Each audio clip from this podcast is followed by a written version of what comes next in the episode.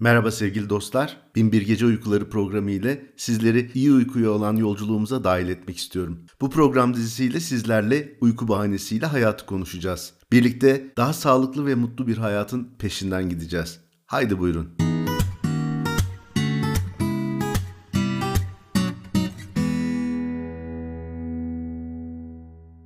Merhaba sevgili dostlar. Şimdi bugün neden bahsedeceğiz? Bugün uykunun mitolojisinden bahsedeceğiz.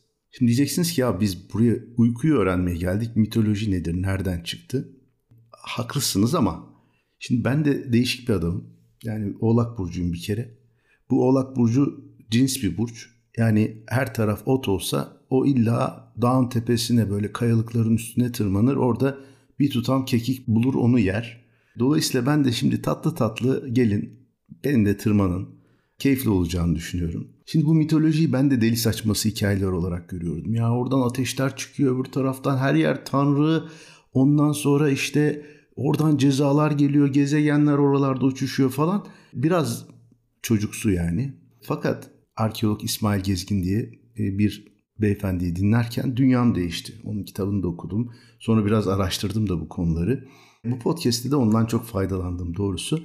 Dolayısıyla size farklı bir mitoloji açılımı yapabilirim belki uyku üzerinden diye e, bir deneme yapacağım. Bakalım beğenecek misiniz? Tabii mitoloji deyince biraz eskiye gitmek lazım. Bu bayağı eskiye gideceğiz şimdi sizinle.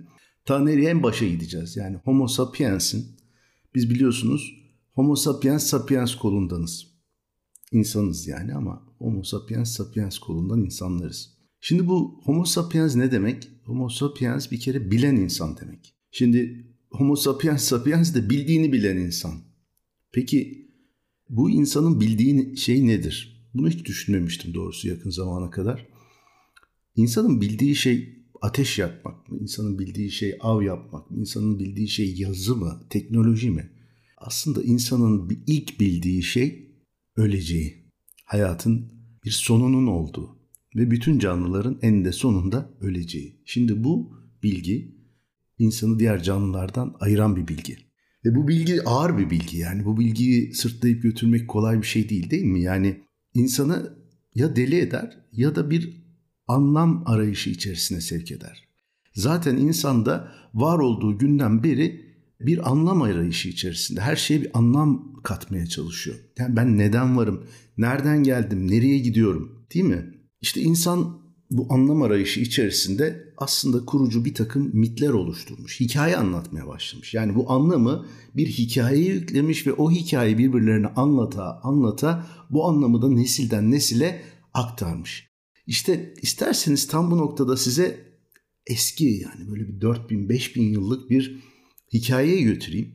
Bu Binbir Gece Uykuları biliyorsunuz Binbir Gece Masalı'ndan esinlendi diye anlatmıştım size. Yani ismimizin hakkını verelim bir hikaye anlatalım. Gılgamış destanını çok özetle anlatalım. İşimize gelen yerlerini anlatalım size. Sümerlerin meşhur bir krallar listesi var. O krallar listesi içerisinde taş yazıtlarda olan bir kral.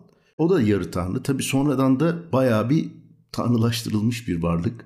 Hikayeye göre bu arkadaş gücüyle ne yapacağını şaşırıp en sonunda bütün dünyadaki evlenme çağına gelmiş kadınlara dadanıyor. Dadanınca halk tabii perişan sonuçta yarı tanrısı hem, hem hükümdar hem tanrı yarısı bir şey yani. Diğer büyük tanrılara yalvarıyorlar ya bir şey yapın biz bundan kurtarın diye. Tanrılar da tabii bunu duyuyorlar bir araya gelip mecliste karar veriyorlar. Bir e, tanrı Enki'nin yarattığı anlamında ta, Enkidu'yu gönderiyorlar. Enkidu çok güçlü kuvvetli böyle yarı tanrı o da aslan gibi bir delikanlı hayvanların arasında dünyaya iniyor. Onlarla konuşabiliyor, onlarla düşüyor, kalkıyor, yiyor, içiyor. Sonuçta yabani insanı temsil ediyor Enkidu. Burada tabii bir parantez açmak lazım. Arapçada insan kelimesinin nisyandan geldiğini söylemek lazım. Yani unutmak, nisyan. Şimdi bu bilen adam, bilen insan aynı zamanda unutan insan. Şimdi neyi bildiğini biliyoruz da neyi unuttu acaba? Tabii ki doğayı unuttu. Doğayla olan bağlarını unuttu. Doğanın bir parçası olduğunu, ilkelliğini, hayvan olduğunu unuttu. Hayvan. Peki nasıl unuttu? Gelin bunu da Gılgamış Destanı üzerinden dinlemeye devam edelim. Şimdi bu Enkidu hayvanlarla mutlu mutlu gezinirken bir avcı onu görüyor. diyor ki bu Gılgamış'a denk olsun diye gönderilmiş belli.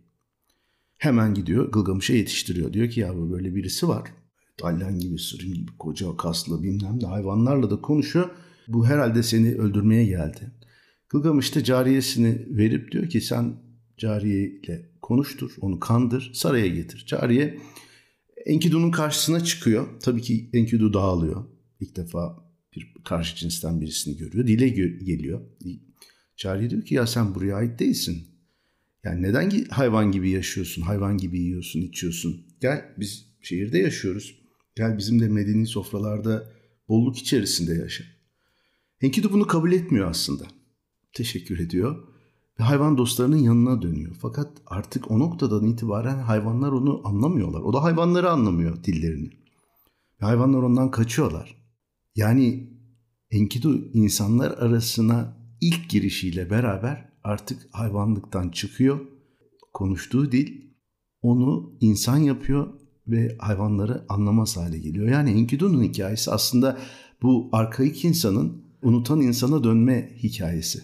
Enkidu kaçınılmaz olarak şehre gidiyor. Tamam diyor buradan dışlandık. Gılgamış'ın yanına götürüyorlar. İşte orada bir kavga, dövüş bilmem ne. Öldürülmesi beklenirken birden dost oluyorlar. Hatta birlikte haytalık yapmaya başlıyorlar. Derken tanrılar diyor ki ya bunlar birde iki oldu. Enkidu'nun canını almaya karar veriyorlar. Bir, bir hastalık yollayıp Enkidu'yu öldürüyorlar. Gılgamış'ın hikayesi aslında burada başlıyor. Çünkü arkadaşın ölümüyle birlikte kendi ölümlülüğüyle yüzleşiyor veya tanışıyor. Ve diyor ki yani bundan ben nasıl acaba kurtulabilirim? Ölümsüzlüğü arama derdine düşüyor. Ve sonra sonra tek ölümsüzün Dilmun ülkesinde yaşayan Utnapiştim olduğunu öğreniyor. Şimdi bu Utnapiştim aslında enteresan bir karakter. Çünkü aslında Utnapiştim meşhur Nuh tufanı efsanesinin benzeri daha eski olan Sümer efsanesinin Nuh'unun ta kendisi. Tüm canlıları tufandan kurtardığı için ölümsüzlükle ödüllendirilmiş ve cennete yani Dilmun ülkesine yerleştirilmiş. Şimdi bu Dilmun ülkesine nasıl gidilebiliyor? Ölüm denizi geçilerek gidilebiliyor. Ve ölenleri karşıya geçiren Urşan abi diye bir kayıkçı var. Normalde ölmediğin zaman seni karşıya geçirmiyor elbette. Fakat Gılgamış'ı bir şekilde geçirmeye razı oluyor. Utnapiştim'in yanına gidince Gılgamış diyor ki ya ben ölümsüz olmak istiyorum. Sen olmuşsun bana bunun sırrını açıkla. O da diyor ki ya ben kendi kendime olmadım. Bu tanrıların kararıdır. E yani senin de pek tanrılarla aranın iyi olmadığı biliniyor. Bu iş yaş. Sen ölümsüz falan olamazsın. Dil döküyor, o oluyor, bu oluyor. Gılgamış olmuyor. Ondan sonra diyor ki Utnapiştim ben sana bir teselli ikramiyesi olarak sonsuz gençliğin sırrı olan otu vereyim.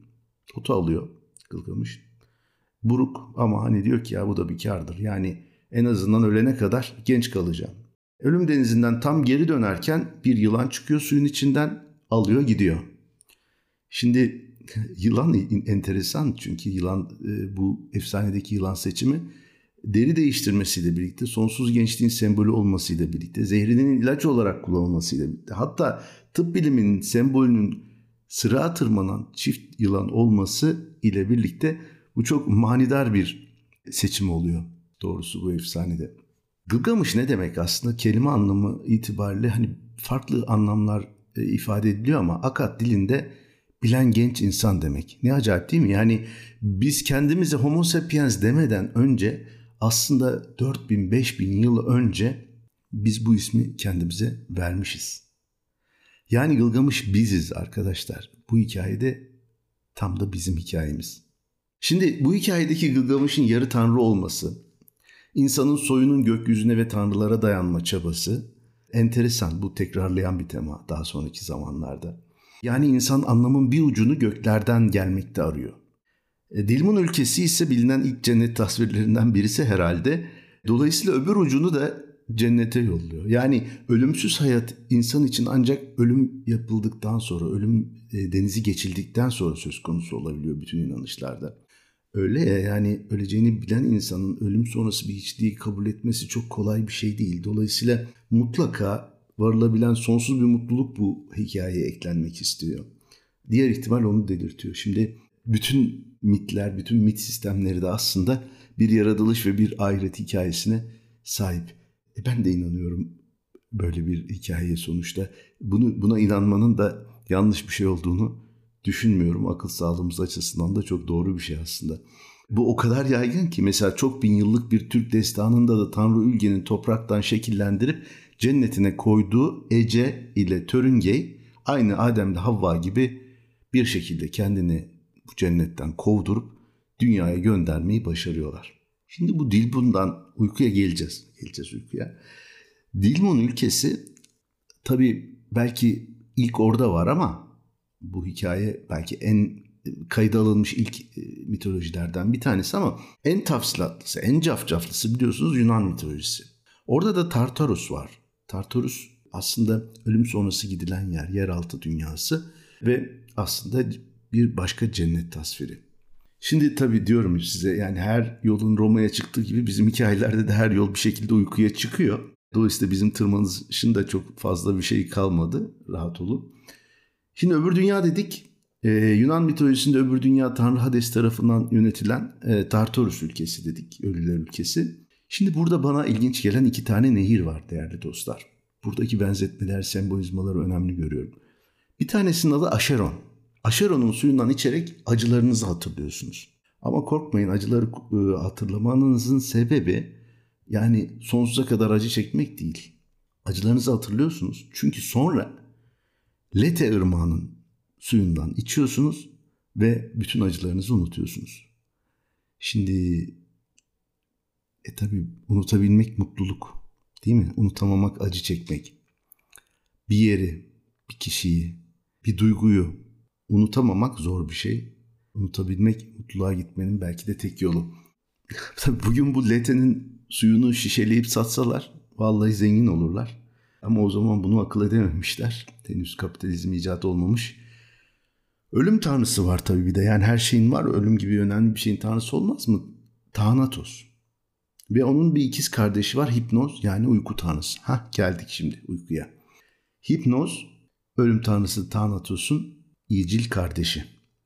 Her ikisi de gece Nix, tanrıça Nix ve karanlık, tanrı Erebus. Bunların çocukları. Gece ile karanlık bir oluyorlar. Ölüm ve uykuyu doğuruyorlar. Şimdi tabii biraz bu hipnoza gelelim. Çünkü hipnozun hikayesi aslında ya da hipnozun ortamı aslında bizi bundan binlerce yıl önceki uyku anlayışıyla biraz tanıştırıyor. Uyku tanrısı hipnoz büyük bir mağarada yaşıyor. Bu mağaraya hiçbir ışık veya ses giremiyor. Mağaranın kıpkırmızı bir gelinciklerle bezeli bir girişi var. Göz alabildiğine kırmızı gelincik. Tam da bu girişte gündüzle gece kavuşuyor veya ayrılıyor. Hipnozun yatağı bonoz ağacından. Kaç paraya mal olduğunu tahmin edemiyorum. Ve hani biraz önce bahsettiğim o suyunu şişelesinler dediğim Lete Irmağı tam da bu mağaranın içinden doğuyor. Ne kadar enteresan değil mi? Yani uyku mağarasının içinden unutmak doğuyor. Şimdi bu çok önemli aslında buradaki benzetme. Çünkü ben daha sonraki bölümlerde biraz bahsedeceğim. Uyku gerçekten duygusal tedavimiz için son derece kritik ve bu bu mite girmiş. Şimdi bizim İzmirli bir hemşerimiz var Homer, Homeros. Ona göre bu mağara Lemnos adasında. Yani yine Ege'ye çok yakın. Hipnozda çok kibar, sakin bir tanrı. ihtiyacı olanlara çok yardımcı olan bir tanrı. Hipnozun karısı Pasitea var. Pasitea e, sükunetin, rahatlamanın, halüsinasyonların tanrıçası. Yani uykudan sükunet, rahatlama, halüsinasyonlar da sebepleniyor diyebiliriz. Evet değerli dostlar bu bölümü bitirirken size yine bizim İzmirli hemşomuz Homer'den İlyada destanından Hipnoz ve Tanatos'un bir anlatısıyla e, veda etmek istiyorum. Homer şöyle diyor. Orada oturur kara gecenin çocukları. Uyku ile ölüm, o korkunç tanrılar. Güneş onlara hiç çevirmez ışınlarını. Ne göklere çıkarken ne de inerken. Biri dolaşır sırtında toprağın ve denizin tatlı bir huzur götürerek insanlara. Ötekinin demirdendir yüreği, tunçtandır canı. Yakaladığı insan kurtulmaz hiç elinden. Kin besler ölümsüz tanrılara bile. Sevgili arkadaşlar, Thanatos bizlerden ırak olsun. Hipnozun iyi uykusunun sihirli gücü hep üzerinize olsun. Sizlere tatlı bir huzur getirsin. Sağlıcakla kalın.